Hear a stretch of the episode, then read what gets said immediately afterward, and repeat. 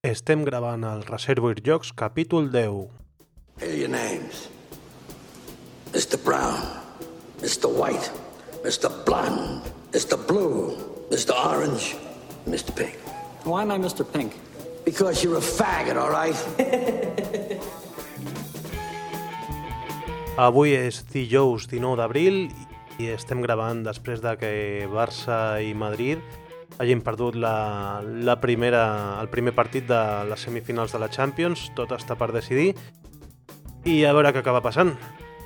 Bé, és un episodi que volia, volia des de fa temps eh, gravar-ho, però pel, per molts imprevistos, perquè de, havia de preparar els prototips per l'Europa Ludi, he tingut una punta de feina també i també pel mig hem tingut un viatge a Toulouse perquè tenim els amics del País Basc que sempre ens juntem en un punt intermig, alguna vegada ho hem fet a Saragossa, eh, aquesta vegada ha tocat a, a Toulouse, que també està al mig de totes dues eh, poblacions. I, i bé, és, allà hem quedat i hem estat jugant a, a bastants jocs i he tingut la sorpresa també de veure alguns pòsters penjats pel, per la ciutat de Toulouse o Tolosa de Languedoc, si ho voleu dir en català, eh, hi ha un festival, els pòsters aquests eh, així ho indicaven, que el festival serà aquest proper cap de setmana del 27, 28 i 29 d'abril. És un festival de llocs que es diu eh, Alquímia, Alquímia en francès, i bé, si esteu per la zona o si voleu pujar, és un cop de cotxe des d'aquí, de, des, des de Catalunya o des de Saragossa o del País Basc, Eh, són dues, tres horetes eh, de cotxe. Eh, ja sabeu que teniu un altre festival a la Catalunya Nord.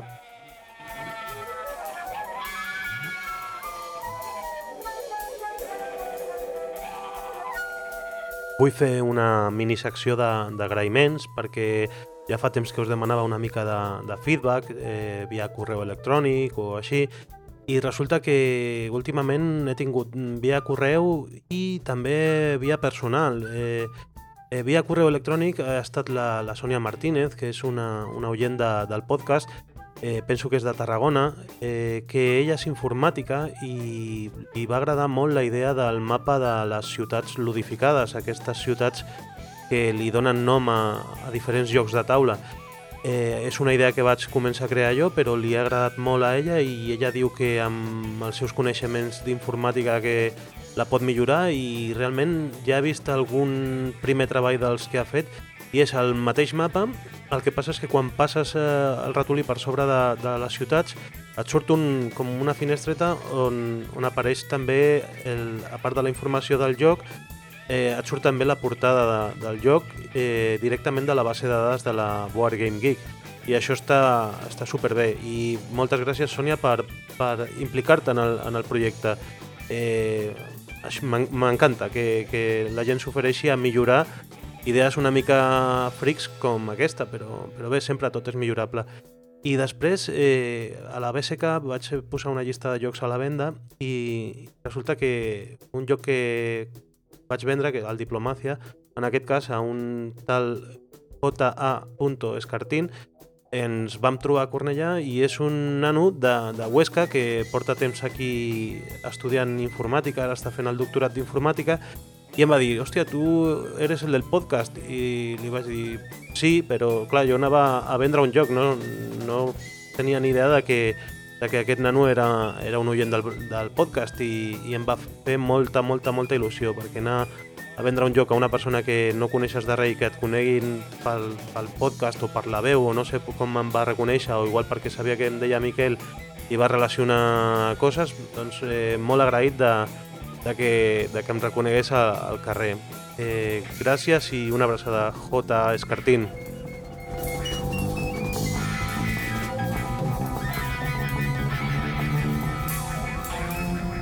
Pel capítol número 10 hem trobat un entrevistat de Déu, també, de Nota Déu. És l'Oriol Comas. És una entrevista molt distesa, com si estiguessin en un bar xerrant sobre llocs, molt llargueta, però espero que la disfruteu molt. Bueno, estem, estem amb l'Oriol Comas, eh, que molta gent ja, ja el coneix, mm, gairebé tots, però havia pensat en fer una presentació així una mica també lúdica, amb números i, i bueno, després entrarem una mica més en detall. Però seria qüestió, jo, jo pregunto una xifra i tu me la dius, ¿vale? Eh, seria qüestió, per exemple, nombre d'anys que portes dedicat a això de, dels jocs. Vaig començar a jugar de petit, com tothom, però, ma, però mai he parat. Diguem 50? Vale, di, dient 50 ja, ja, ja, ja és molt. vale, eh, jocs publicats?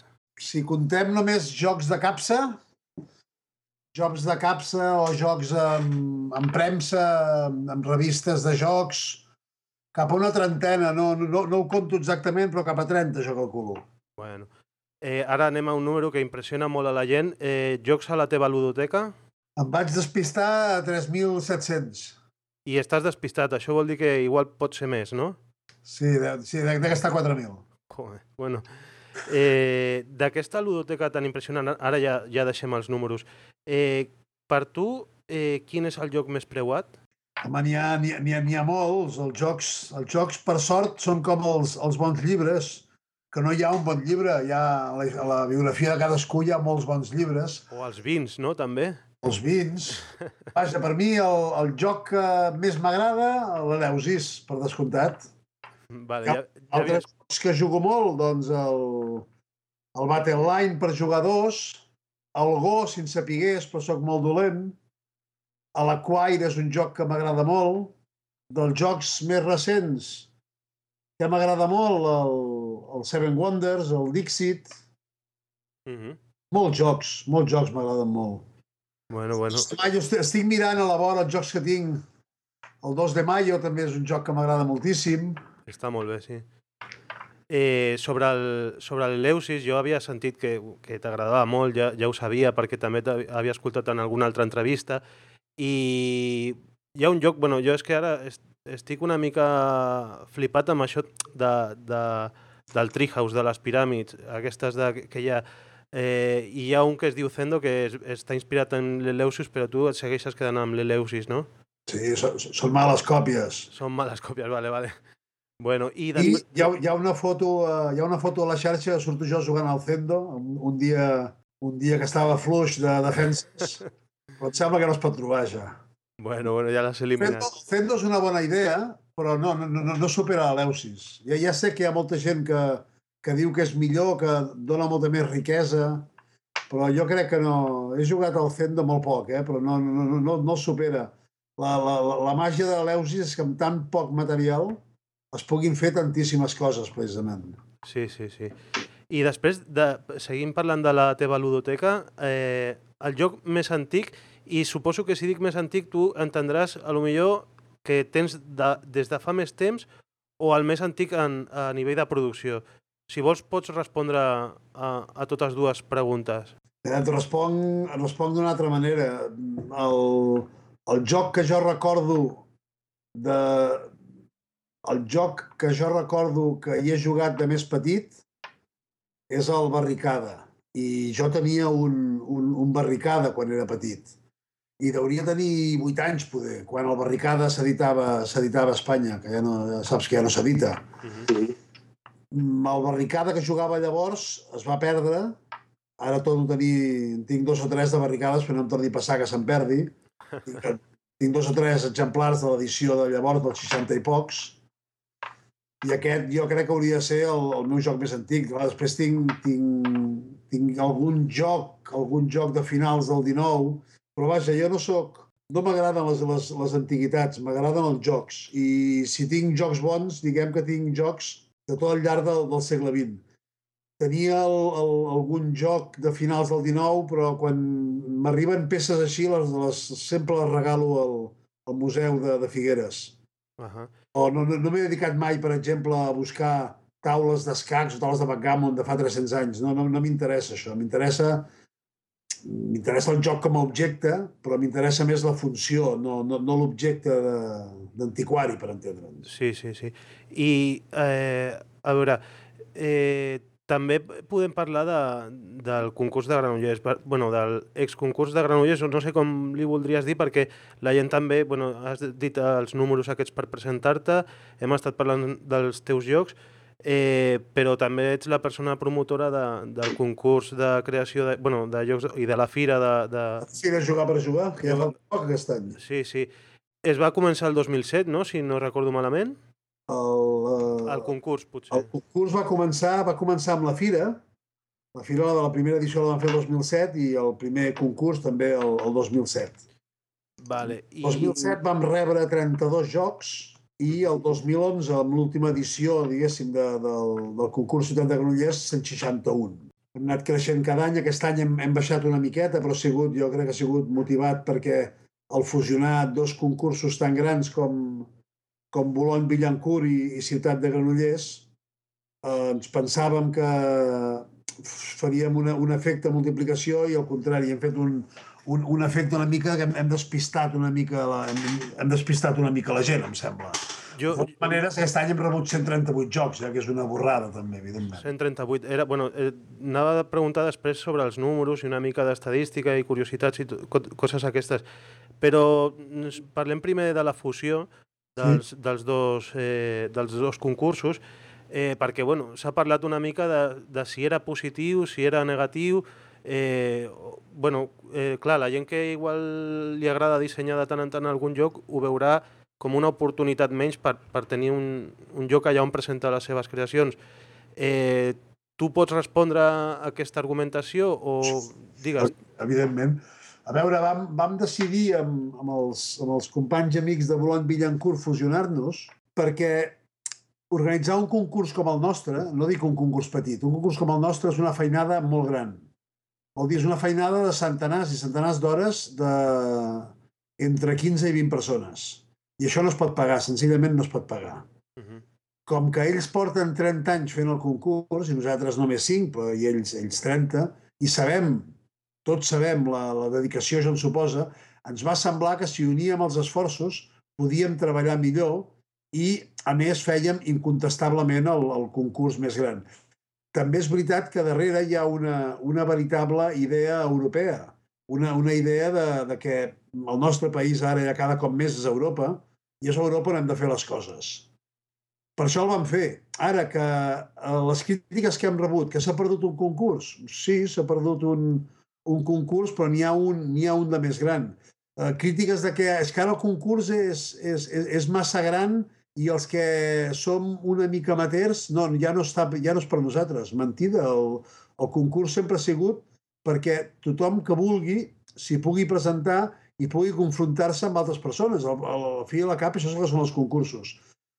I dels concursos nostres, del concurs de Bolony, ja no diguem el concurs de Bolony, que eh, tots els grans noms de, de l'escena lúdica francesa han sortit d'allà, però els, el del concurs nostre, més, més humil que el concurs de Bolony, però han sortit noms com el Pere Pau Llistosella, és una persona que va saltar, va decidir dedicar-se més seriosament a fer jocs a partir del concurs de Granollers, o, o el Diego Ibáñez de, de Saragossa, o el- l'últim, el, guanyador de l'últim any, el Brett Gilbert, un, un anglès que no puc dir que fos un desconegut o no era un desconegut dintre del món dels jocs, perquè és un home molt actiu a la xarxa, però mai, mai havia publicat res, mai havia aconseguit que els seus dissenys, que a mi fa molts anys que els conec i m'agraden molt, mai havia aconseguit... Aquest any va guanyar el, el concurs de, de Granollers i de seguida unes quantes editorials es van pagar pel seu joc, que és un joc realment, realment genial, l'Oracle Pathway, va guanyar, diguem, aquesta, aquesta recerca, aquest quedar-se amb aquest joc, va guanyar Asmodee, i Asmodee està a punt de treure el, el joc. No ha canviat absolutament res, perquè no hi havia res a canviar. Era un joc era un joc acabat absolutament, li ha canviat el, el nom només, es diu Divinare, està a punt de sortir, el recomano a tothom. Doncs puc dir que el, el Brett Gilbert era un professional. No, no, és el, primer, el seu primer joc que es publica, Mm, però és una persona que volia lluitar pel, pel seu joc. Això li pot passar a qualsevol. Uh -huh. Altres coses que han dit del, del nou concurs. Home, és que pagar 20 euros per un concurs és, és, són molts diners. Sí, 20 euros són diners, però 20 euros és el que et gastes amb tres cerveses i 20 euros és molt poc comparat amb, el, amb el, els diners que tant l'Ajuntament de Bolony-Billancourt com el de Granollers han d'invertir amb els, amb els concursos perquè és totalment deficitari. No només és deficitari, sinó que si no fos per aquests 15-20, ja, ja, ja enguany més, perquè amb els dos concursos eh, fem, provem els jocs, els, els provem a, a Bologna, els provem a Granollers. Enguany més d'aquest any cap a 30 persones o més de 30 persones provaran els jocs de la segona fase. Uh -huh. Cada joc, eh, hem passat 40 jocs a la segona fase. Només que dediquéssim 10 hores a cada joc, que són, ja et dic que són moltes més, posem 20 hores a cada joc, 20 hores per 40 jocs són 800 hores que ningú paga. Amb aquests 20 euros no es paguen aquests diners, no és que no es podria pagar, ja ja es veu. Aquests 20 euros són per sufragar una miqueta les despeses de, les despeses de, de funcionament, però és que no, no, no arriben, ja està clar que, que no arriben per res. Què més ens han dit? Que fer les regles en anglès és una punyeta. Doncs sí, és una punyeta, però eh, és un concurs eh, europeu i mm, hi ha algunes, algunes coses, alguns, eh, alguns requeriments que són indispensables. Si les regles no les demanàvem en anglès, en quina llengua les havíem de demanar? Ja, ja. En francès només? Uh -huh. En castellà jo tinc, jo tinc la sort de, de poder llegir perfectament en castellà i en francès, però no puc dir el mateix totes les persones que aquí estem treballant al concurs, ni el mateix pel que fa al castellà, i no diguem el català, pels nostres companys de, de Boulogne-Billancourt. Així, el que podem demanar és que tothom pot enviar el joc amb la seva llengua i moltes d'aquestes llengües les, les coneixem, si no les coneixem bé, les podem entendre, Mhm. no, no, no jocs amb, amb, amb rus o amb xinès, però sí jocs amb, amb, amb alemany una miqueta, amb italià força, amb portuguès. Són jocs que podem en- entendre bé i demanem la, la, la traducció a l'anglès perquè no se'ns escapi res. Tot això fa que sigui una mica més difícil presentar-se al concurs? Potser ho fa una mica més difícil, però a canvi hem fet un gran, un gran concurs i que aquest any hem baixat una mica de participació en relació al, als números de l'any passat, no ens preocupa, l'any que ve tornarem a créixer molt. Sí, jo era... Bueno, totes, tots els arguments que estàs dient era el que et anava a preguntar. També, eh, bueno, ja està tot contestat. El que passa és que sí que m'agradaria eh, incidir una mica en el, en el tema de... Jo penso que tu has fet un esforç gran per perquè la llengua catalana pugui estar present allà, no? I suposo que igual has estat tu el que, el que ha proposat això de, de, de tenir l'anglès com, a, com a llengua pràcticament eh, base i després que tothom pugui, pugui accedir. Eh, si no, el català possiblement s'hauria quedat fora. Això ho pots explicar també? Bueno, em, deixa, em, em permets que em posi una petita medalla? Sí, Ah. clar, clar, clar que sí. Aquí, en el, en el, en el concurs d'Europa Ludi, no, no, no, té, no té dita que el català sigui llengua de participació perquè és un concurs que es llença també des de Catalunya. Per tant, ha sigut evident per tots els, tota la gent implicada, eh, patrocinadors, els nostres eh, companys de, de Volant Villancourt, que el català era llengua oficial del concurs, no estava en dubte.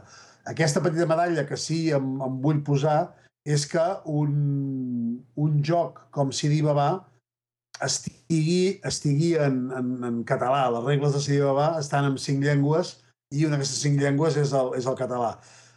Que els jocs estiguin en, que estiguin en català, mirat des de, des de Catalunya, ja sé que, que a Espanya ja hi ha molta gent que, que no ho entén, evidentment n'hi ha moltíssima, espero que moltíssima més que sí, però també a Catalunya hi ha gent que no, no entén que els jocs s'hagin de fer en català. Per mi no, no, no hi ha cap discussió. El joc és un producte cultural qualsevol altre. I en els productes culturals la llengua té la seva importància.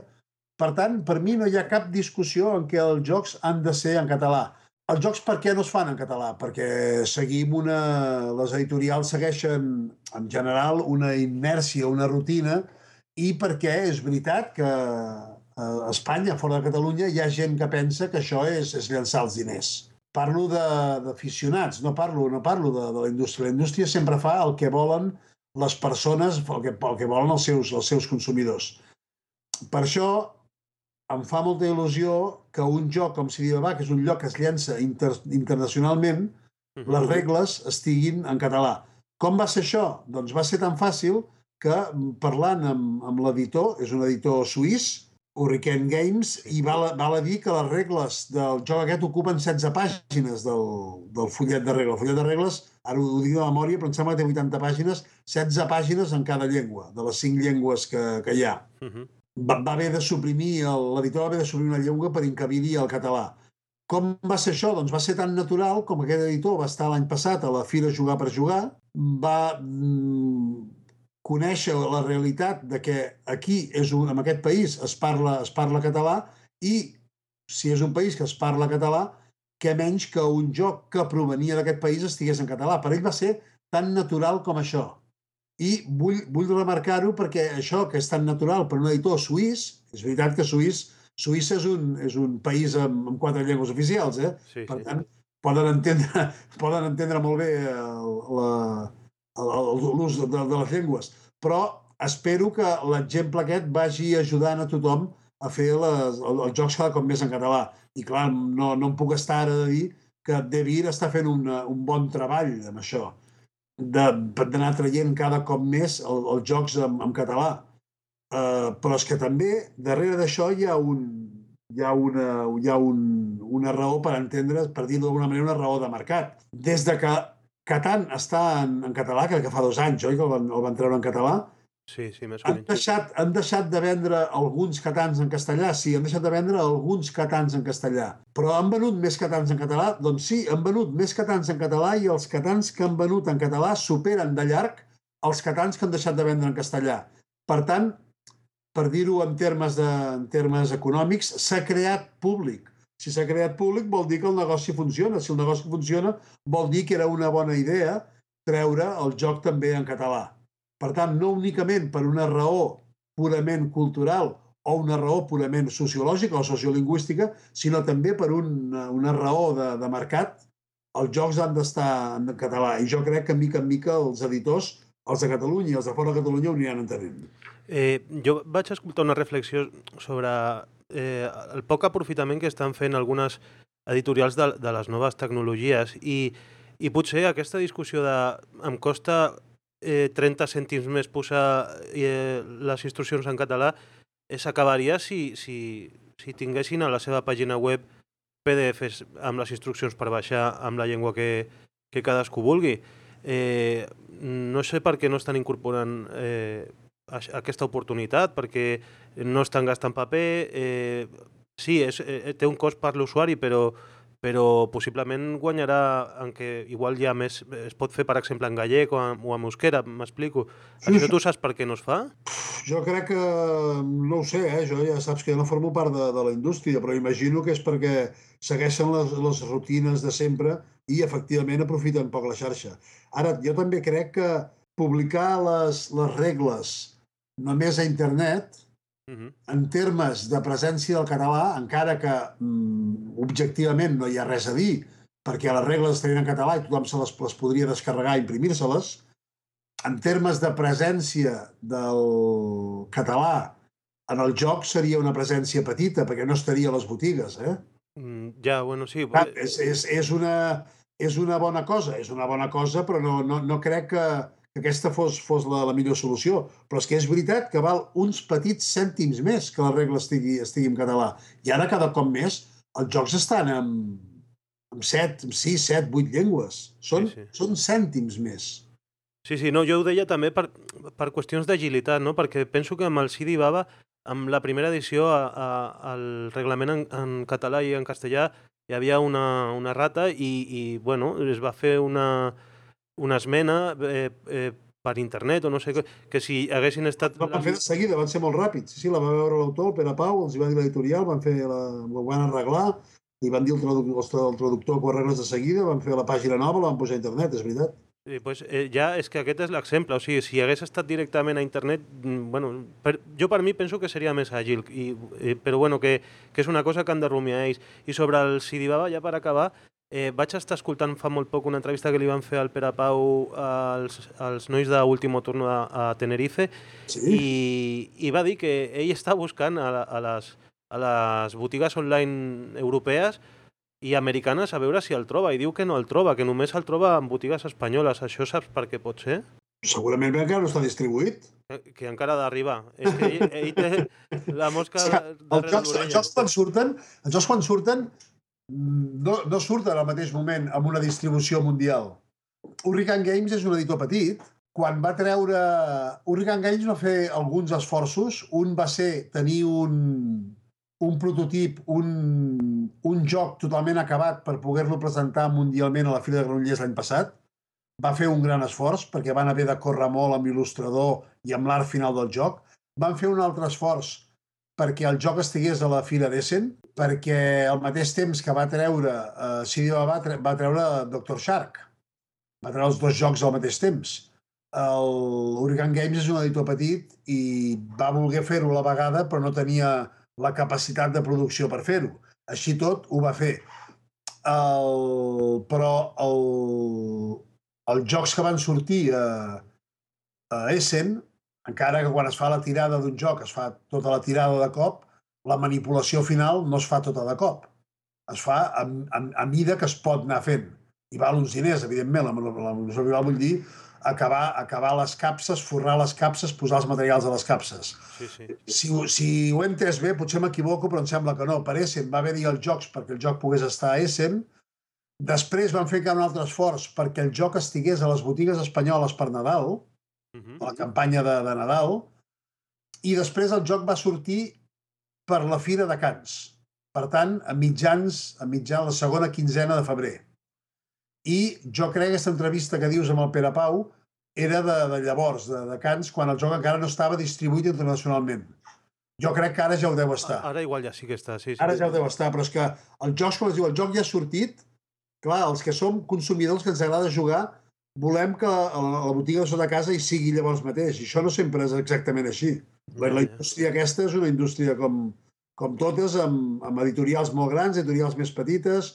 A vegades han passat un joc que havia de sortir, havia de sortir, el joc venia, venia s'havia produït a la Xina, venia de la Xina i el tenien uns pirates a Somàlia enganxat, oi? Que ha passat això? Hòstia, sí, Aquesta, sí, sí. Aquestes coses passen. Uh -huh.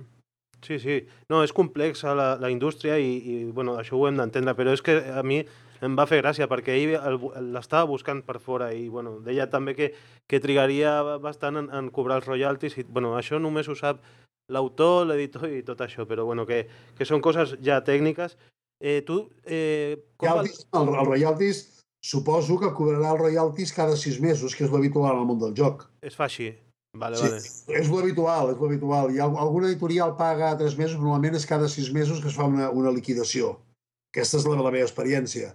Uh, però és millor que en el món del llibre. En el món del llibre els autors el, els, perdó, els liquiden anualment. I cada mes d'abril cada mes d'abril els autors de llibres reben una liquidació de la seva editorial dient hem venut l'any passat tants llibres i llavors es fa la factura i es cobra. En el món del joc és cada sis mesos, estem una mica, estem una mica millor.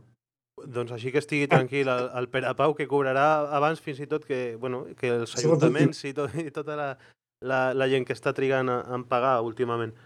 Eh, però bueno, és això. Sobre, sobre, tu com valoraries si, si apareixessin arrel d'aquesta fusió mm, nous eh, concursos de, de creació de llocs més petits, o sigui, més a petita escala?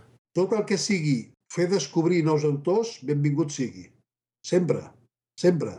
Vam fer Granollers perquè vam fer el concurs de Granollers perquè ens semblava, jo n'estava convençut, que en aquest país no teníem la manera de fer sortir la superfície autors creadors de jocs.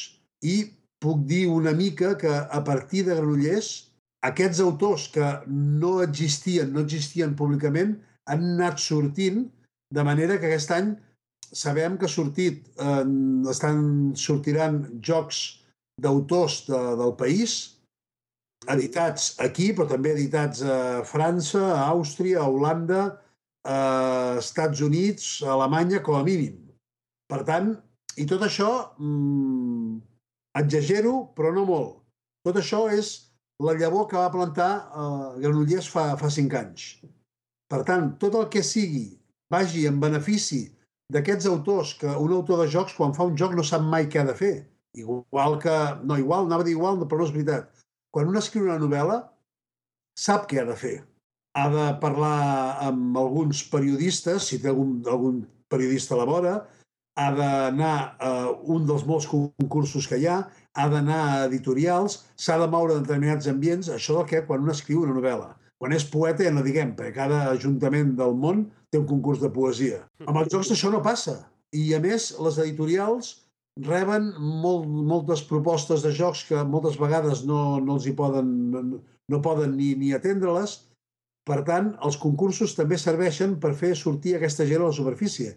I repeteixo, estic molt content que tots aquests noms que van sortint d'alguna manera són fills de la llavor que van posar a Granollers el, el, el 2007. Per tant, tots els concursos que hi pugui haver, benvinguts, oi tant que sí, com mm. més millor. Ara també, no fins i tot... O sigui, estem parlant també de que, de que hi ha una associació, la de creadors eh, de jocs de taula, que és Ludo, Ludo sí. a nivell estatal, i suposo que també ho valoraràs positivament, perquè a Alemanya, per exemple, hi ha la SAZ, que, que bueno, està fent molta força, per exemple, en la reivindicació de, de, de que reconegui l'autoria dels jocs i tal. O sigui que suposo que tot el que sigui donar-li força a, a, al creador sempre és positiu. Clar, és que el, el, el joc, tornem-hi, el joc és un producte cultural i, com tot producte, un cultural amb les seves característiques específiques, té un autor darrere. I això és molt important dir-ho cada vegada i que es tingui de manifest cada vegada hi ha jocs perquè hi ha autors. No hi ha jocs perquè ens agrada jugar, evidentment que hi ha jocs però hi ha jocs perquè hi ha autors. Perquè fa mil anys algú va agafar una idea d'un joc i la va canviar i en va fer una cosa semblant als escacs i aquests escacs van donar voltes, van barrejar amb altres coses, ara tenim els escacs. Si no, no els tindríem. Però perquè hi ha hagut algú i després un altre i un altre i un altre. Clar, els jocs tradicionals tenen, tenen molts pares els jocs d'ara tenen normalment un, un sol pare o dos, però aquests pares són molt importants, com són importants els autors, els autors de llibres. Jo no em cansaré mai de dir que hem de reivindicar sempre que els jocs estiguin firmats i eh, poder ser el, el, el frontal, de, el frontal de, de la capsa.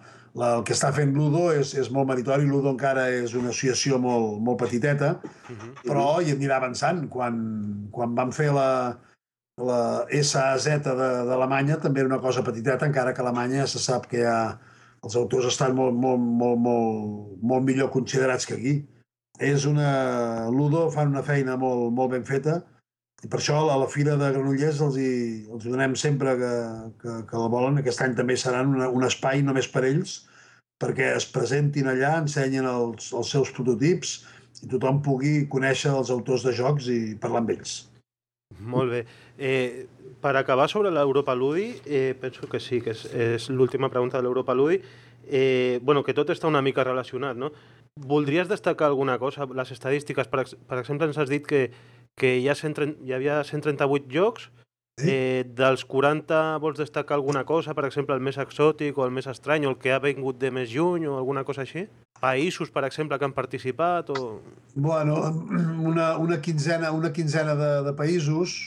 Estem, estem, jo estic molt, molt, molt, molt content de, de com ha anat tot i espero que passin els, els, els, millors d'aquests 40, passin els, els millors. Al, al final que els, els, els jocs siguin d'un país o d'un altre, és, és important, perquè vol dir l'arrelament del, del concurs, però repeteixo, l'important són, són els creadors.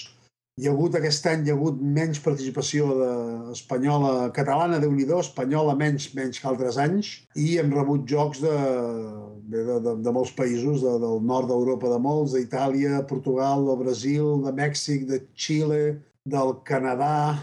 D'Àsia?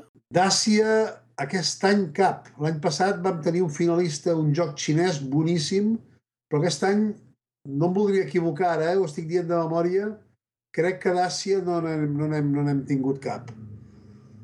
I dels jocs que han vingut, doncs, eh, eh, sí que puc dir que la, és, això és una impressió, eh? parlo de, de, de, les, de, la primera selecció la fem llegint les regles Crec que aquest any la selecció, la, el pas de la segona fase a la final serà molt més dura perquè crec que és l'any que hem tingut la millor, la, la, la millor collita.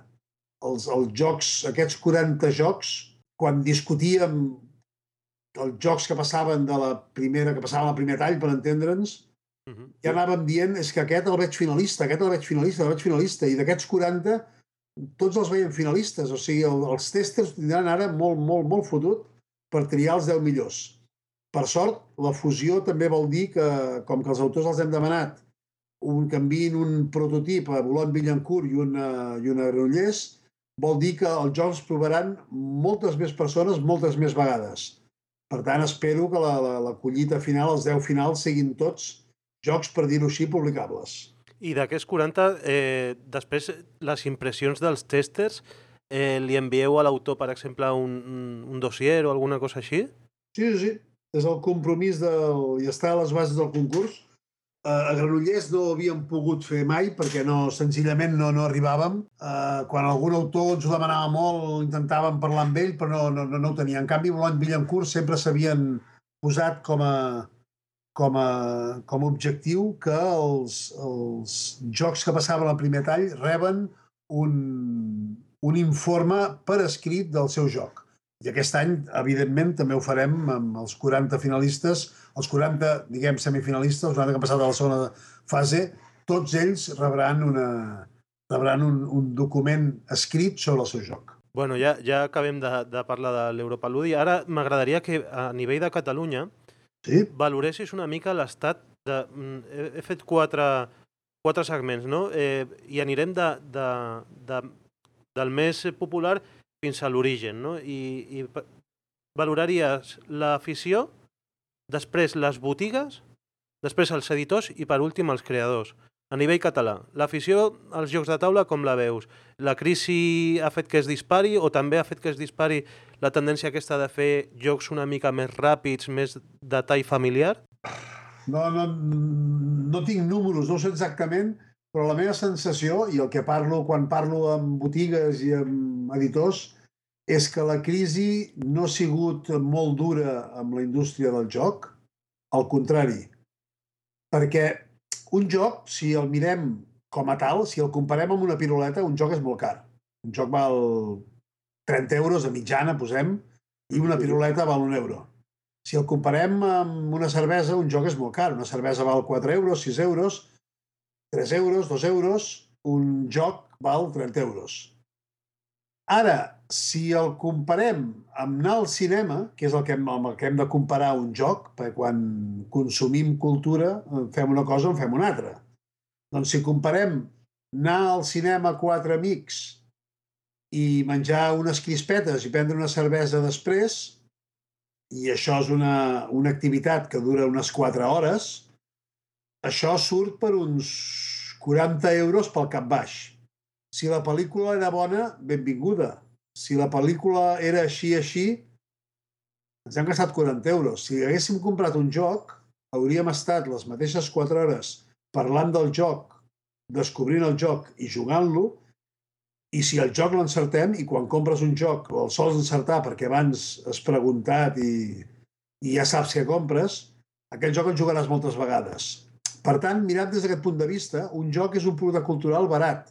A diferència d'un llibre, que un llibre val 20, 22 euros, però el llegeixes una vegada i rarament el tornaràs a llegir la teva vida, un joc Mhm. el jugues i el tornes a jugar i el tornes a jugar. El joc, mirat, repeteixo, des d'aquest punt de vista, és un producte cultural molt, molt, molt econòmic. I, per tant, en temps de crisi, que ens mirem els euros un a un i ens mirem els cèntims d'euro, és quan, el, quan veiem que aquestes coses passen. I a més, com que per jugar estàs a casa, la cervesa que prenies fora la prens a casa, la Coca-Cola prenies fora la prens a casa i, evidentment, és molt més barata. Sí, Per sí. tant, crec que jugar és un bon, és un bon element anti, anticrisi. I això és el que sento en general a editors i botigues.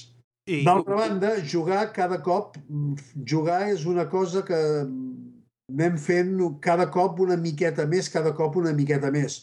Això per què? Doncs perquè cada cop parlem una miqueta més del joc, les botigues cada cop estan més ben posades i d'aquí ja passo a les, a les botigues. Sí, les botigues, a veure, eh, a, també a nivell online i a nivell, a nivell físic, Les botigues catalanes. fins fa poc eren un, un cau friki.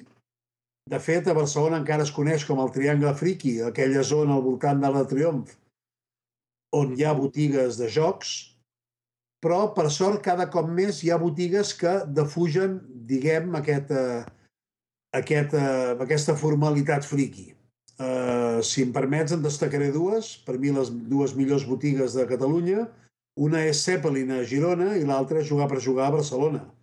Són botigues que no estan pensades per, per friquis, no estan pensades per persones que volen descobrir, que volen comprar en un nou tipus de producte cultural. Zeppelin sempre he dit que és la botiga més m'agrada de Catalunya, però és una botiga que uneix amb tota la normalitat trencaclosques i joc infantil i joc per adults i joc friki i un espai per jugar i un espai mig màgic i jugar per jugar també va en aquesta línia. És més petiteta, però també va en aquesta línia. Les altres botigues fan, evidentment, fan, fan la seva feina, però crec que cada cop més les botigues són botigues obertes al gran públic, no al públic, no al públic especialitzat, al públic que ja sap què vol. I les botigues online, home, cada cop n'hi ha més. Les online estan molt bé, però són botigues per a un públic determinat. Un públic que moltes vegades li és igual fins i tot que les regles estiguin en alemany. Ella I, sap el que vol, no? També. Sap el que vol i, i, i mira molt a, a la xarxa les coses que vol i el que vol, sobretot, és, és, un, és un bon preu. Aquest és, jo crec que és el, el públic. Jo soc, soc uh, usuari de botigues online d'aquí i d'Estats Units i de tot arreu, però hi ha vegades que una cosa la vull de seguida i vaig a veure on està i la vaig a buscar com sigui. Va, també sóc usuari, també sóc, compro molts jocs editors independents, que és una cosa, és una cosa que m'agrada molt. Aquest és el panorama actual de les botigues. Botigues de online, benvingudes totes, clar, com, com més llocs hi hagi on trobar el que ens agrada, millor. Evidentment, només faltaria. Els editors, a Catalunya tenim pocs editors de jocs, però són editors molt potents, cada un amb, amb la seva cosa. Parlem només de, parlem de, de tres, va. Uh, comencem per un de molt petit, que jo li tinc un carinyo especial, que són els jocs Tecton. Els jocs Tecton és una, una, un negoci unipersonal d'una persona que li agraden molt els, els jocs i ell mateix els crea, ell mateix se'ls se fabrica i això està, és, una, és una, una cosa que està molt, molt, molt bé, molt bé. El Tecton és una, una, una empresa de, de jocs que està a la casa de, del Jordi Rossic, que és, és aquest, aquest autor i editor dels, dels seus jocs, fa uns jocs de fusta preciosos, jocs que crea ell mateix, se'ls fabrica ell mateix, els comercialitza ell mateix, això és, és, és, és, és esplèndid. I tots, tots són eh, d'autoria seva? Sí, sí, sí, sí. Tots, tots, tots. És que vaig, vaig passar-me el dissabte passat pel jugar per jugar i vaig, vaig veure una, un cas similar, que és el de l'Stephen Spiel, que ha començat a fer... bueno, primer va començar com aquest home, però ara està començant a, a editar jocs d'altres autors, fins i tot de, bueno, del Reiner, Nícia i d'alguns altres. Sobretot jocs dels seus amics i sobretot jocs que a ell li agraden molt i que entren, diguem, a la seva editorial. Sí, sí, l'Stephen Milhauser fa, feia, fins fa molt poc, feia només jocs d'ell, i se'ls ven ell, eh? A totes les fires, vas a qualsevol fira de jocs a Alemanya, trobaràs allà l'Stephen i el seu fill venent, el, venent els seus jocs, són una, una, una, persona encantadora, i ara és veritat que fa aquest, aquest joc del Jack Seymet, ha tret aquest, aquest, el, aquest tixú, aquest del joc del, del Rainer Knizia, uh mhm. -huh Sí, sí, és, és, és, és, és, un, és un, un, un, bon, un bon exemple a seguir. I el, el, el Jordi Rossic va, va amb aquesta línia, més, molt, molt, més, molt més personal. Ep, t'estan trucant. L'altre editor que vull destacar és, és Homoludicus. Uh -huh. Homoludicus està fent una feina molt, molt important. És, és pràcticament també una empresa unipersonal, és l'empresa del Paul Kors, i és un, un home que toca totes les tecles perquè el Pol Cors es dedica a la venda online, es dedica a la venda en botiga física, fa distribució i quan va començar a fer d'editor vam dir ai, ai, ai, però ho està, ho, està fent, ho està fent molt bé, està arriscant molt i està traient jocs d'autors d'autors d'aquí. Això és una, és una, és una meravella. No, no, no, no tinc prou paraules, prou paraules per agrair-li agrair, al Pol el risc que, que està agafant i la valentia que té de, de, fer, de fer el que està fent. Uh mhm. -huh. És una, a mi em sembla, em sembla molt, molt, molt bé el que està fent i com que és un home apassionat amb una passió pels jocs brutal, clar, li passa que li passa que s'enamora dels jocs que fa, fa els jocs que més li agraden amb ell, s'enamora, el, els canvia, lluita molt pels jocs. Ara esperem que, que li vagin bé les coses perquè és molt arriscat treure jocs i cada, cada joc vol dir fer una inversió molt gran de diners que després eh, s'ha de recuperar i els jocs es venen un a un.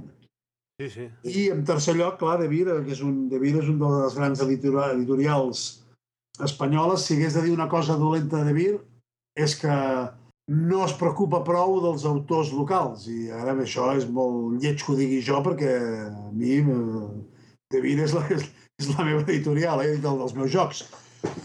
Però eh, és veritat que està fent una, una feina molt gran de, de fer un catàleg de, de, joc, de joc familiar, de posar tots els millors de, dels grans jocs del món, posar-los en el seu catàleg que estiguin a l'abast de, de, de tothom. Això també és una feina molt, molt, molt meritòria. Fa molts anys que, que De Vir es mou, es mou molt, molt bé i es mou per tot el món per, per aconseguir aquests jocs. Té tractes amb, amb, amb moltes majors, amb moltes grans empreses del, del món del joc. I cada cop més edita autors locals. Per tant, també jo crec que també és molt, molt meritòria la feina de Vir. Abans ja hem parlat que De Vir, a més, es preocupa que, el, que els jocs estiguin que cada cop més els seus jocs també estiguin en edició catalana. Per tant, d'aquests tres editors els agafo, podríem parlar d'altres, eh? Poder, clar, podríem parlar de, de 17 o d'Educa, però són, són editorials que Ja. encara que, que intervenen en el món del joc, intervenen menys perquè es dediquen a, a altres segments de, de mercat, no? 17 més amb el que s'entén com a joc educatiu o jocs, jocs per nens associats a, a, a continguts i eh, Educa, com que li va tan bé amb el món del trencaclosques, amb el món del joc, és, actua, actua encara poquet. Tu creus que es, que, que es ven tant el trencaclosques mm, comparat amb, amb l'experiència del joc, l'experiència social? És que el trencaclosques és un, un solitari i, i tampoc és que sigui molt excitant. Eh, I és que jo em vaig enfadar molt quan vas a algun centre comercial i veus que, que hi ha un lineal tot de, de trencaclosques i de jocs hi ha molt poquet espai. Miquel, no t'enfadis. No, ho dic perquè, perquè per, mi què dius- l'experiència és molt per què dius millor. que no és excitant? No és excitant per tu, a mi no m'agraden massa, però hi ha gent que es penja amb els trencaclosques. És, una, és un repte important. Fer un trencaclosques a partir de... Home, els petits no, eh? però a partir de 500 fitxes, 2.000 fitxes, 7.500 fitxes, fer un trencaclosques és veritat que és, que és solitari. Per tant, es perd el millor que té el joc, que és que el joc és un catalitzador social, és una, un fenomen, un element de, de relació social. És veritat que es perd això, però no estic d'acord amb que no sigui excitant. Acabar un trencaclosques és... No parlo per mi, parlo per gent que conec, que els fan trencaclosques, mm, els agrada molt, els excita molt fer trencaclosques. I si amb tantes botigues i amb tants magatzems ha lineals plans de trencaclosques, és perquè es venen, eh? No és perquè sí, és perquè es venen. Bueno, bueno, és, és una impressió personal, o sigui, eh, però suposo que sí, que tens raó i que per gustos colors, no? Però bueno. I, i falta els creadors, eh? No te- no n'oblidis. Però bueno, se- segueix, segueix. Uh, no, no, que, que és veritat, estic d'acord amb tu, que el joc, sobretot, és socialització. O sigui, de les coses bones que té el joc, els jocs són bons per a moltes coses, perquè són un repte intel·lectual, perquè són divertits, però sobretot el que té de bo el joc és que amb un joc pots seduir, pots enganyar, pots mentir i ho pots fer amb una persona que tens davant i amb aquesta persona, quan acabis de fer tot això, tot serà igual que abans, una miqueta millor. Això el trencaclosques no ho té ni de conya, ni de conya, però té una, una, altra, una, altra, una altra raó de ser, diguéssim. Que és una cosa coixa un trencaclosques? No, no, és una altra cosa, senzillament. És una altra cosa. Els videojocs són bons, sí, els videojocs són bons. Uh, són millors els jocs de societat? Són, és una cosa diferent. És una, senzillament és una, és una cosa diferent. I també es venen molts més videojocs que jocs, eh? Sí, sí, sí. però incomparablement, amb relació gairebé 100 a 0. Sí, sí, sí. Els autors, doncs, els, què vols que et digui dels autors? Són, els autors de jocs són una gent molt, en general, són una gent molt agradable, són una gent que es dediquen a fer coses, un, un quan fa un joc, el fa perquè li ve de gust fer-lo perquè té un coquet dintre que li fa, li fa ser creador, però sobretot perquè s'imagina què farà la gent quan jugui amb el seu joc. Tots els creadors de jocs, tots, el que els agrada és posar el joc damunt una taula i veure, i veure que la gent juga. O sigui, quan jo, quan soc més feliç, quan rebo un missatge a correu electrònic i em diuen el verbal i a jocs ens està agradant molt, a casa hi juguem molt. Això és el, això és el, que, el que és bo per un autor. Tenim una bona nòmina d'autors d'autors a Catalunya, una, una, bona, una bona nòmina. I aquest any uns quants autors d'aquí començaran a ser gent, gent important en el, en el petit món dels jocs de taula. El Joan Maria Lluer, el Javier García, que publicarà un joc a Holanda, si no m'equivoco, el Jordi Gené, que amb el Gregorio Morales han tret un joc a Alemanya i en trauran un altre d'aquí uns mesos, el Pere Pau, per, per descomptat. Tenim, tenim, tenim, bons, tenim bons autors, tenim bons autors i espero que amb, amb iniciatives com Europa Ludi i altres en vagin, en vagin sortint més. Bueno, a veure si, a veure si és veritat. Eh, després, eh, la irrupció de l'iPad a, a aquest món. Com, com la valores? Com un regal del cel. És el millor que ens podia passar. Jo, que no sóc gran jugador de videojocs, tinc alguns que m'agraden i a la, a la Nintendo DS faig cosetes i quan va, quan va sortir la Wii jo vaig estar molt content perquè la Wii ha reinventat una cosa que havíem, que havíem oblidat. El, el joc, si alguna cosa va passar al segle XX, és que el joc de societat va passar a ser, amb l'estat del benestar, per entendre'ns, el joc va passar a ser una, una icona, una mostra de la de cultura popular. La cultura popular s'entén el que, aquells, aquells elements de cultura que, que tenim cada dia, que tenim molt quotidians, que els utilitzem sovint. I això és el que va representar doncs, eh, gran, grans fites de la història del joc com el Monopoly o l'Scrabble o el Cluedo o el Risk. Això que van representar aquests jocs al, al segle XX. Uh, hi, ha un, hi ha un monopoli a cada casa. Ja sé que ara està dient molt que el Monopoly és un, un joc que no és un bon joc. Sí, sí, el Monopoly potser no és un bon joc amb els estàndards de jocs de tauler actuals, però sense el Monopoly potser no existiria, no, no estaríem on estem. I repeteixo, el Monopoli va fer una cosa molt important, que és que el joc estava, com a mínim als Estats Units, a tots els menjadors, totes les taules de tots els menjadors. Això després, i a Europa ho hem anat perdent bastant, però amb la Wii ha passat una cosa meravellosa, que el joc ha tornat al menjador de casa. Ha tornat, com que la Wii, com que la Wii es menja, es juga a la tele, el joc ja no és allò que tenen els nanos a l'habitació, el joc ja no és allò que juguen amb la tele que tenen a l'habitació, sinó el joc es juga al menjador de casa. I a més, una segona cosa bona de la Wii és que el joc el juguen avis, pares i fills. I això, després de jugar a la Wii, es poden posar a jugar a qualsevol altra cosa. O sigui, això és molt bo, molt bo.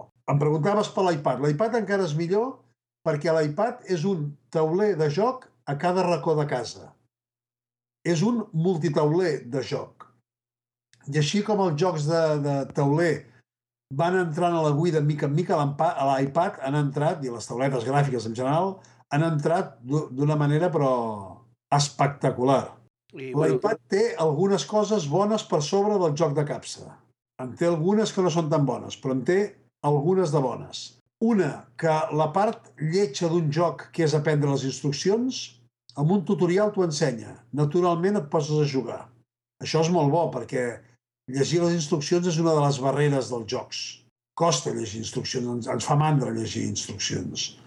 La segona cosa bona és que hi ha una part, en tots els jocs hi ha una part de gestió, de comptabilitat de punts, de tirar el dau, de preparar les, els materials per la partida i això amb un iPad és immediat.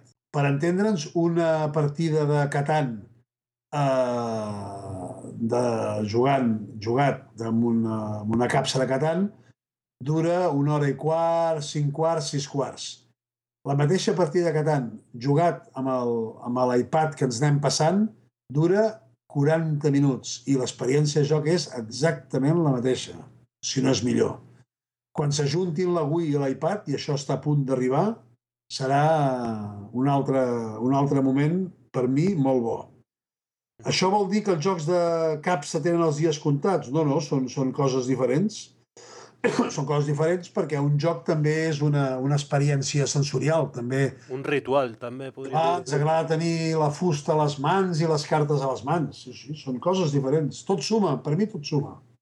Eh, abans eh, se m'havia oblidat, quan parlàvem dels creadors, eh, tu recomanaries a, a un creador, per exemple, que, que té una creació, té un joc, i que no li acaben de publicar, que l'alliberi amb aquestes noves llicències que hi ha de Creative Commons o que el posi en print and play a la xarxa?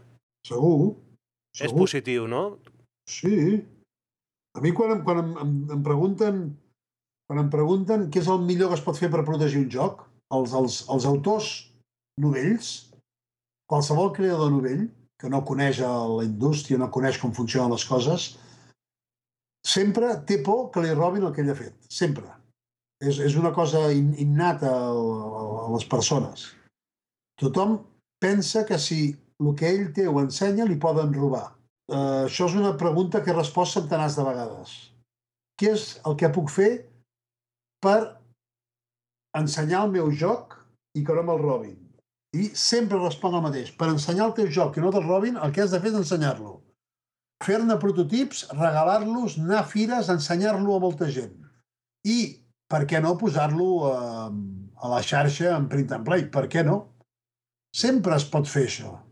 Sempre es pot fer i sempre és beneficiós. Si un joc l'has fet tu i l'ensenyes a molta gent, tothom sabrà que l'has fet tu. Ningú tindrà cap interès a robar-te'l.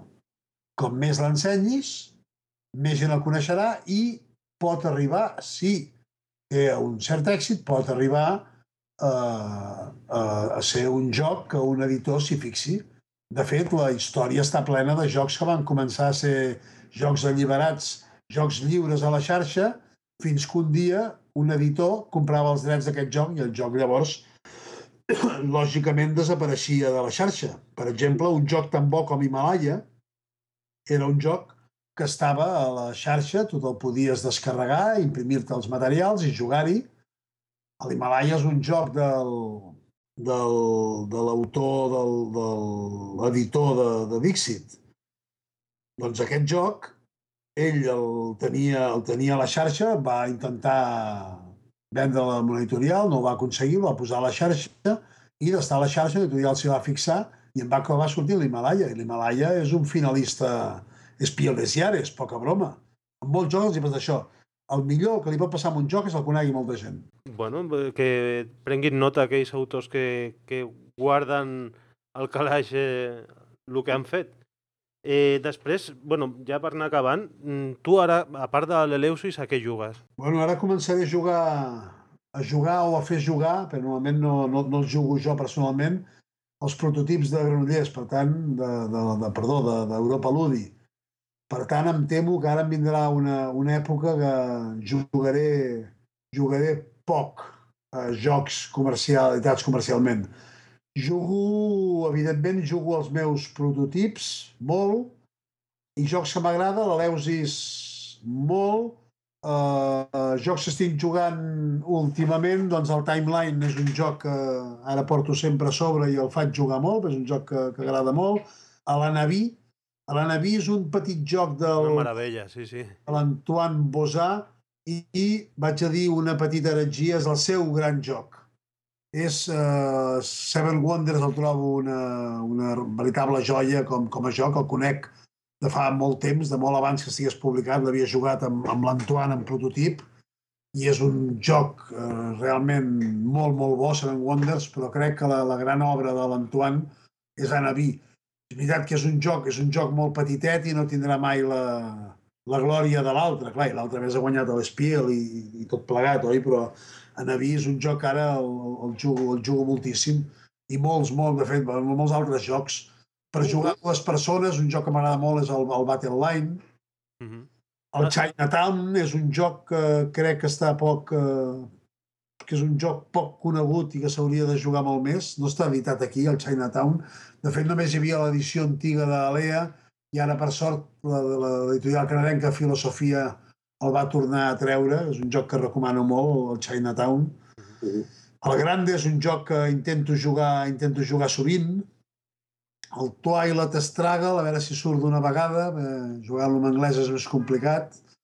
M'agraden molts, molts tipus, molts tipus de jocs. I eh, ara que parlaves del Hanabi, jo estic també mm, molt bueno, eh, al·lucinat amb aquest joc, eh, lo, lo simple que és i, i lo, no sé, a mi m'agrada moltíssim també, crec que és una meravella, completament d'acord amb tu. Has aconseguit fer moltes vegades els 25 punts? Mai. Mai. I dec portar 50 partides, eh? eh a mi em passa el mateix. He arribat a 23, una cosa És veritat, si, si el jugués sempre amb el mateix grup, hi arribaríem, perquè es crearien una sèrie, una sèrie de a priorismes de coses que es poden fer i coses que no es poden fer, diguéssim. Sí, sí. Però és veritat que el, el joc està, està, anava a dir molt equilibrat. No sé si en un joc cooperatiu, tan plenament cooperatiu com aquest, l'equilibri és una paraula que, que puguem, puguem fer servir, però és un, un, un joc que, que està molt bé, perquè encara que els jugadors es posessin d'acord abans de començar a jugar, a dir sempre actuarem d'aquesta manera, no direm mai coses negatives, sempre direm sempre anirem a favor de la carta que es pot tirar, com que les cartes venen com venen, això no es pot complir mai, hi ha un moment que estàs obligat a dir una cosa contrària a l'acord que hagis pogut prendre abans. És genial, gen realment genial. Sí, sí, sí. Després eh, fem un apartat de recomanacions, però reco primer, la, bueno, això t'ho hauran dit moltes vegades, una recomanació d'un joc per iniciar-se. Molts. Catan, Carcassona, Heimlich Co, Dixit, Fauna... Moltíssims. Vale. Ara, ara ja preguntes menys típiques. A veure, un joc per fer el clic i dir em vull dedicar a crear un joc? doncs no ho sé, a mi, a mi això no... La, la inspiració, per dir-ho així, no, no em ve mai d'altres jocs. No, no ho sé, no ho sé. No ho sé, però per força, cada joc en el que veus una, una cosa nova que no havies vist mai és no, no, no, no tant per, per refer-la tu, sinó per dir, ep, encara hi ha coses noves a fer. El Hanabi podria ser un exemple? Sí, sí, sí, sí, sí, sí. És, és, és un, un, un, un joc un joc que dius, home, sembla mentida que amb tan poc material puguin passar tantíssimes coses. Sí, sí, és un, és un bon exemple. Però també, no sé, un joc com el Pico Pico. Uh -huh. un, o un joc com el Kuhandel, que no entenc perquè no està editat, aquest, perquè no està editat aquí. Kuhandel? Kuhandel, no el coneixes? No. Compra-la ara mateix. de qui és o de què tracta? És un joc de comerç diferent d'un autor d'un autor alemany L'estàs buscant?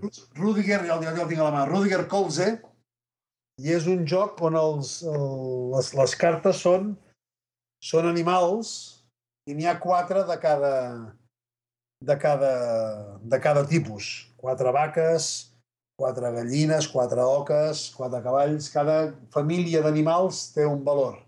I els jugadors canvien entre ells les cartes. Senzillament es canvien les cartes entre ells amb una mecànica molt, molt simple. Uh -huh. Doncs aquest és un joc, o un, un altre que avui he vist en un, en un portal francès que reeditaran el, el joc, el joc Rag d'Àlex Randolph. Uh -huh és un d'aquests jocs genials, un joc de cartes molt senzill, amb un mecanisme estupendo que des de llavors molta gent, molta gent els hem fet servir en molts jocs. Doncs el RAG també és un joc que en tinc tres o quatre edicions diferents i sempre el porto sobre, sempre el faig jugar. I és un d'aquells jocs que la gent el juga i diuen ui, tornem-hi, ui, tornem-hi. O el High Society del, de Rainer Nissi és un joc que a tothom li agrada de jugar. Hi ha, hi ha, hi ha molts jocs que, però molts que, que et costa que hi, hi saps trobar una, una, una cosa diferent. De fet, el, quan vaig fer el, el llibre El món amb jocs, el meu problema va ser limitar-me a, a, a posar-hi només cap un centenar de jocs. Volia fer una... El món amb jocs és una antologia dels millors jocs de tota la història. Llavors, clar, ja es veu que molts jocs tradicionals hi havien de ser, encara que sigui perquè no es perdin per sempre, i quan vaig arribar al segle XX, la feinada que vaig tenir a, a seleccionar jocs. Em vaig haver de, de posar a mi mateix unes condicions perquè si no, no hauria acabat mai. Un altre joc que estic veient ara, el del el, el Ciudadelas, Uh -huh. la Isla Prohibida, és que no, no, acabaria, no, no, no acabaríem mai, eh? Vale, vale. I, L'Alien Frontiers, quin gran joc. Espero que algú l'ha dit algun dia aquí. Sí, sí. Penso que les instruccions estan traduïdes de l'Alien Frontiers al català. Sí, les hauria, les hauria traduir el Marc Figueres. Sí, sí, va passar també per les entrevistes de, de, del podcast, sí. sí. Eh, després, l'última recomanació, un joc difícil de trobar. A mi el joc que més m'ha costat de trobar, que ara, com que l'han reeditat, ja no té, no té interès, és el Confusion del Robert Abbott. És un, un joc, jo com que sóc, Robert Abbott és la- l'autor, el creador de, de l'Eusis, i un dia vaig decidir que havia de tenir tota la seva ludografia. I no vaig parar a buscar... eh, Bob Abbott, el Robert Abbott, va fer els seus millors jocs. De fet, els seus únics jocs els va fer entre el 56 i el 60. Després es va, es va cansar de, de, de fer jocs i es va dedicar a fer laberints, precisament. A fer jocs, jocs solitaris. Encara és molt bo amb els laberints. I en aquest es- curt espai de temps va fer uns quants jocs molt bons. Jo em vaig dedicar una època a aconseguir-los tots, amb col·leccionistes, amb subhastes, i els tenia tots, i el que se'm resistia era el, el Confusion, que només n'hi havia una, una edició, ara hi ha l'edició de Stronghold Games, que és l'edició recent, però aquesta edició és d'ara mateix. Però només hi havia una edició de, de Franjos, una, un petit, un petit però minúscul editor alemany. I havia dema- demanat inclús al Fran Josep, a l'editor, que, que, em, que em donés els, un dels o tres que li quedaven. T'asseguro que no en tinc cap. El Bob Abbott no en té cap, eh, sinó em va, em, va donar, em va donar el prototip. O sigui, tinc el prototip del joc, però no tinc mai el joc. I aquest joc vaig dir, aquest joc l'he d'aconseguir, el vaig aconseguir amb una subhasta a eBay. Va costar molts duros, per tant, per aquest per mi és el joc més, més complicat de trobar. Un altre joc que buscava amb, amb molt d'interès era la primera edició de Cosmic Encounter. Tinc moltes edicions de Cosmic Encounter, però no tenia la primera. I per sort vaig desistir a l'època que la primera edició a eBay arribava tranquil·lament a 800.000, a 800 o a 1.000 dòlars. Per sort no vaig cometre aquesta bestiesa, encara que era una època que, entre altres coses, volia el Cosmic Encounter per una, per una exposició que estava muntant. Per tant, me l'haurien pogut, m'haurien pagat com despeses de, de, de producció de l'exposició, però no ho vaig fer. Per sort, després, com que s'ha reeditat tant, després el Cosmic ha tingut tant d'èxit, va caure en picat a eBay i el vaig acabar aconseguint per 17 dòlars. La La, primera. la primera? bueno, bueno. Està, estan bé aquestes anècdotes de... de, de Aquests són els, els, els meus jocs difícils, diguem. I tu ets aficionat a, a sistemes? Perquè ara jo estic... Bueno, parlàvem abans del Zendo que està fet amb, amb Treehouse i tot això. Els sistemes mm, aquests que hi ha, hi ha quatre o cinc, o bueno, igual hi ha més i que jo no conec, però utilitzes tu sistemes d'aquests per, per crear jocs? No. No, No. t'agrada? Sí, sí, sí, sí, sí, sí m'agrada. He he tingut les piràmides moltes vegades a les mans, eh, però no, la veritat és que no, la veritat és que no, no m'hi he dedicat. El, el, el, el, com es diu l'altre? El, el, el pic, com es diu? El... Eh, ja, bueno, eh, per exemple, Stonehenge és un, és un sistema també. Sí, sí, no, un altre, un altre americà, pic, pic no sé què, ara no em ve el nom. Sí, aquest que és de fusta. Sí, que són, Eh, són tampoc. sí, els símbols de les cartes franceses i diferents colors, diferents símbols amb unes, amb unes peces de fusta quadrades. D'aquest també penso que hi ha un altre. Eh, bueno, hi ha 4, 5 o 6 sistemes i, i dic, ostres, igual els utilitzes per a l'hora de crear o, o igual No. passes. No, ho hauria de fer, però no. La veritat és que no... no... Ja em dic, he tingut, tinc una bona col·lecció de piràmides, he tingut a les mans, he començat a fer coses, però no, no m'hi he dedicat, senzillament. Bueno, Tot, tot no pot ser. Clar, clar, clar.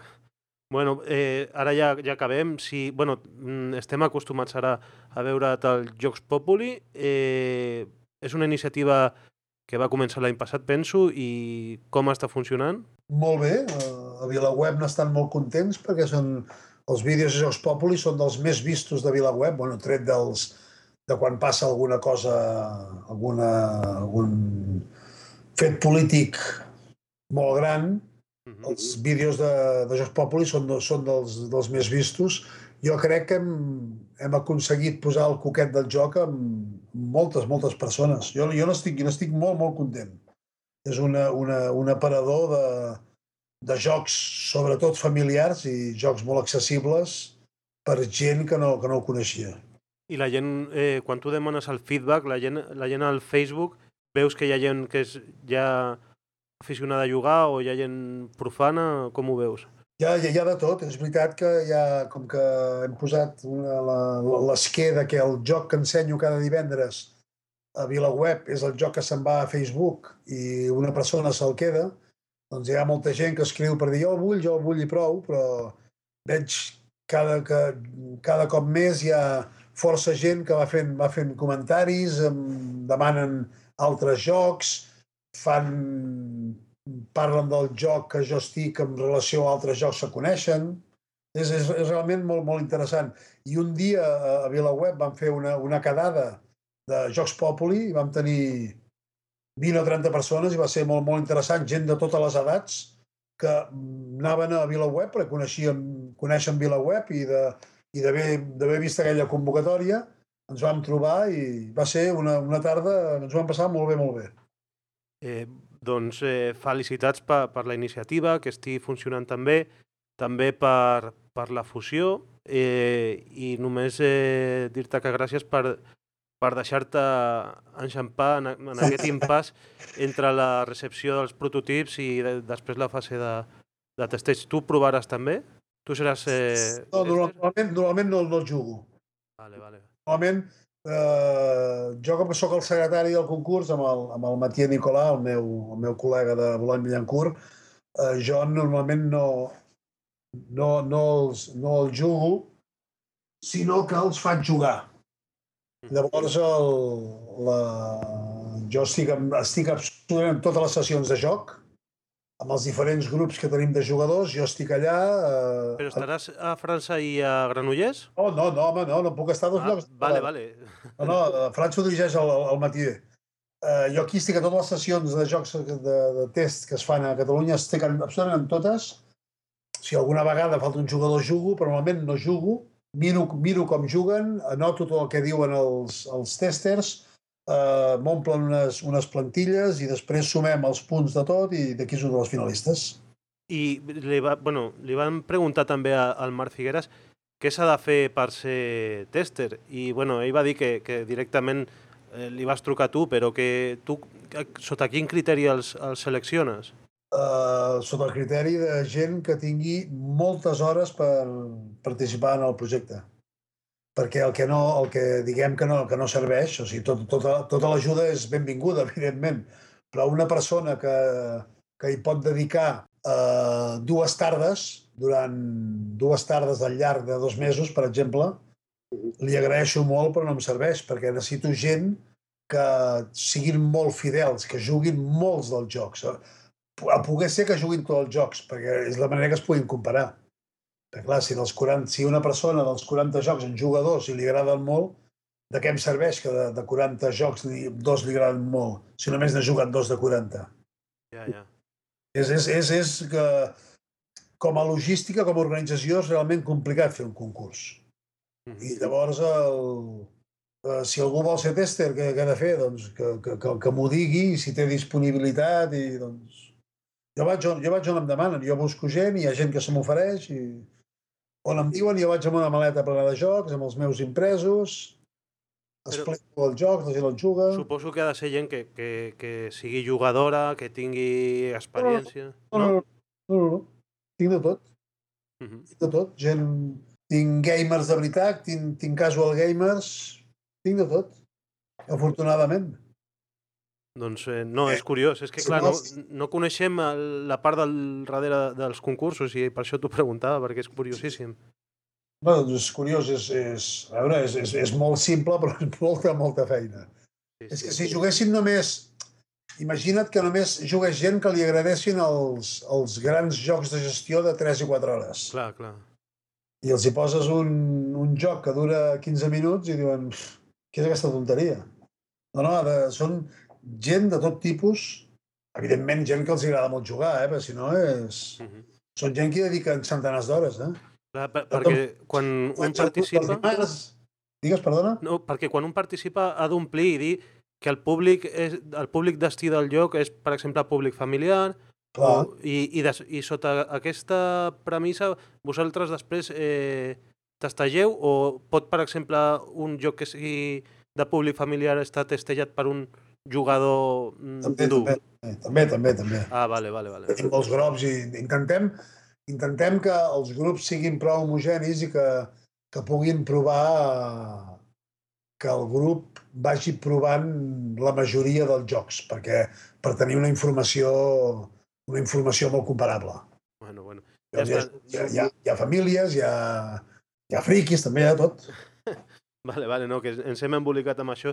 T'estava ja acomiadant perquè portem més, bueno, una hora i quart quasi, Apa-li! i... No podrà escoltar ningú, Miquel. No, bueno, sí, ja lleguem per tot, eh, també. Però bueno. Eh, doncs moltes gràcies, Oriol, per, per això, per deixar-te atracar. I, Gràcies a vosaltres, feu una feina molt bona.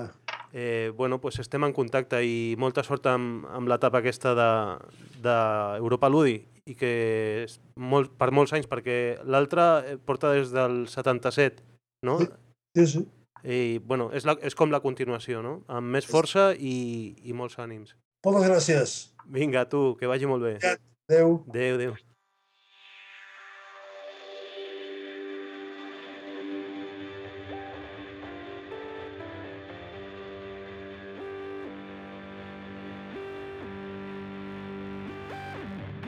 Possiblement, si hagués sabut que em retardaria tant en publicar l'entrevista amb l'Oriol Comas, li hauria preguntat més sobre la Fira Jugar per Jugar i no tant sobre el concurs Europa Ludi.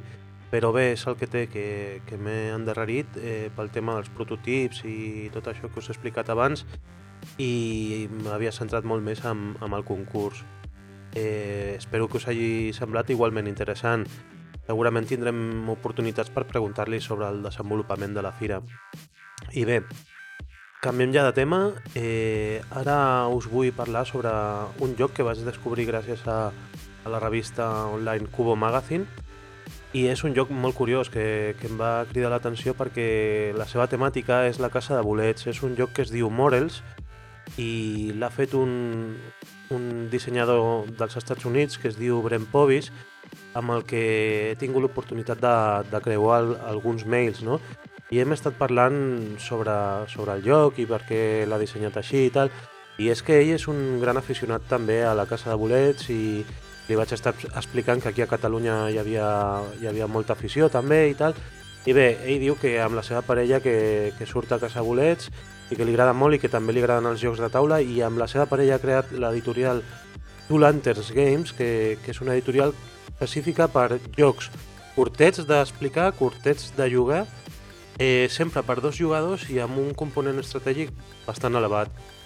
I bé, crec que és, que és curiós, ara mateix el joc està en prevenda i li vaig dir que jo des d'aquí, des de Catalunya, el volia, el volia aconseguir i ell va estar mirant amb, amb correus d'allà dels Estats Units a veure com estaven les despeses i ell genèricament les tenia calculades a 15 dòlars però ho va mirar bé i va veure que es podia rebaixar a 13 dòlars i mig. O sigui que si esteu interessats en, en fer la, la, la prevenda, de, la precomanda de, del joc, el joc Morels es diu, eh, el podeu fer des de la seva pàgina web que és eh, twolantersgames.com i es pot pagar amb PayPal i és això, el joc costa 25 dòlars més 13 dòlars i mig de despeses d'enviament, al final us sortiria per uns 30 euros el canvi.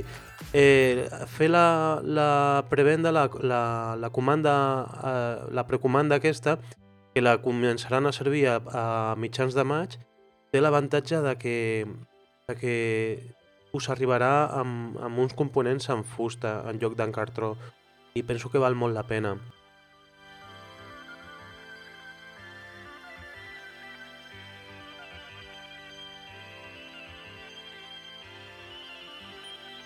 I d'altra banda, també, eh, gràcies a la Board Game Geek, mm, m'he estat posant en contacte amb el Shadi i el dissenyador de l'Onirim, perquè justament eh, aquest cap de setmana pujarem a, a Bèlgica, perquè el meu cunyat està estudiant d'Erasmus a, a Amberes, a Antwerpen, i anirem, bueno, anirem amb avió a Brussel·les i justament aterrarem el dissabte allà a Brussel·les.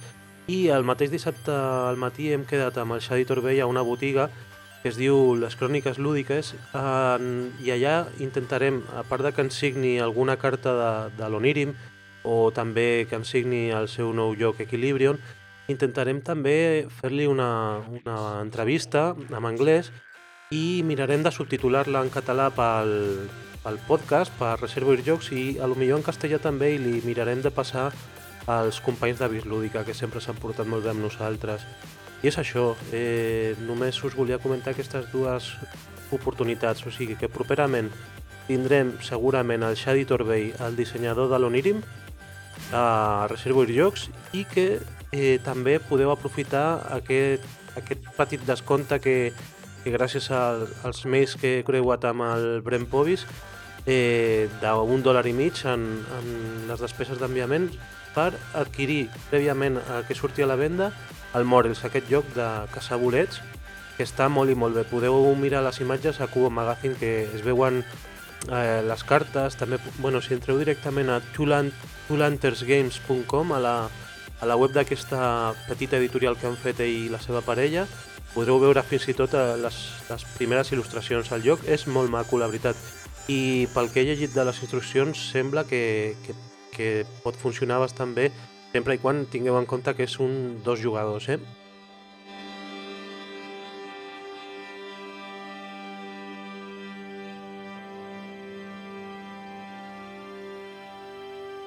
I res més, eh, m'acomiado ja esperant que us hagi agradat la macroentrevista a l'Oriol Comas i bé, eh, ja sabeu que estem disponibles a reservorsjocs.cat, ens podeu enviar correus, audiocorreus, eh, que també estem al Twitter i al Facebook. Bona nit, o bona tarda, o bon matí, i seguiu escoltant-nos.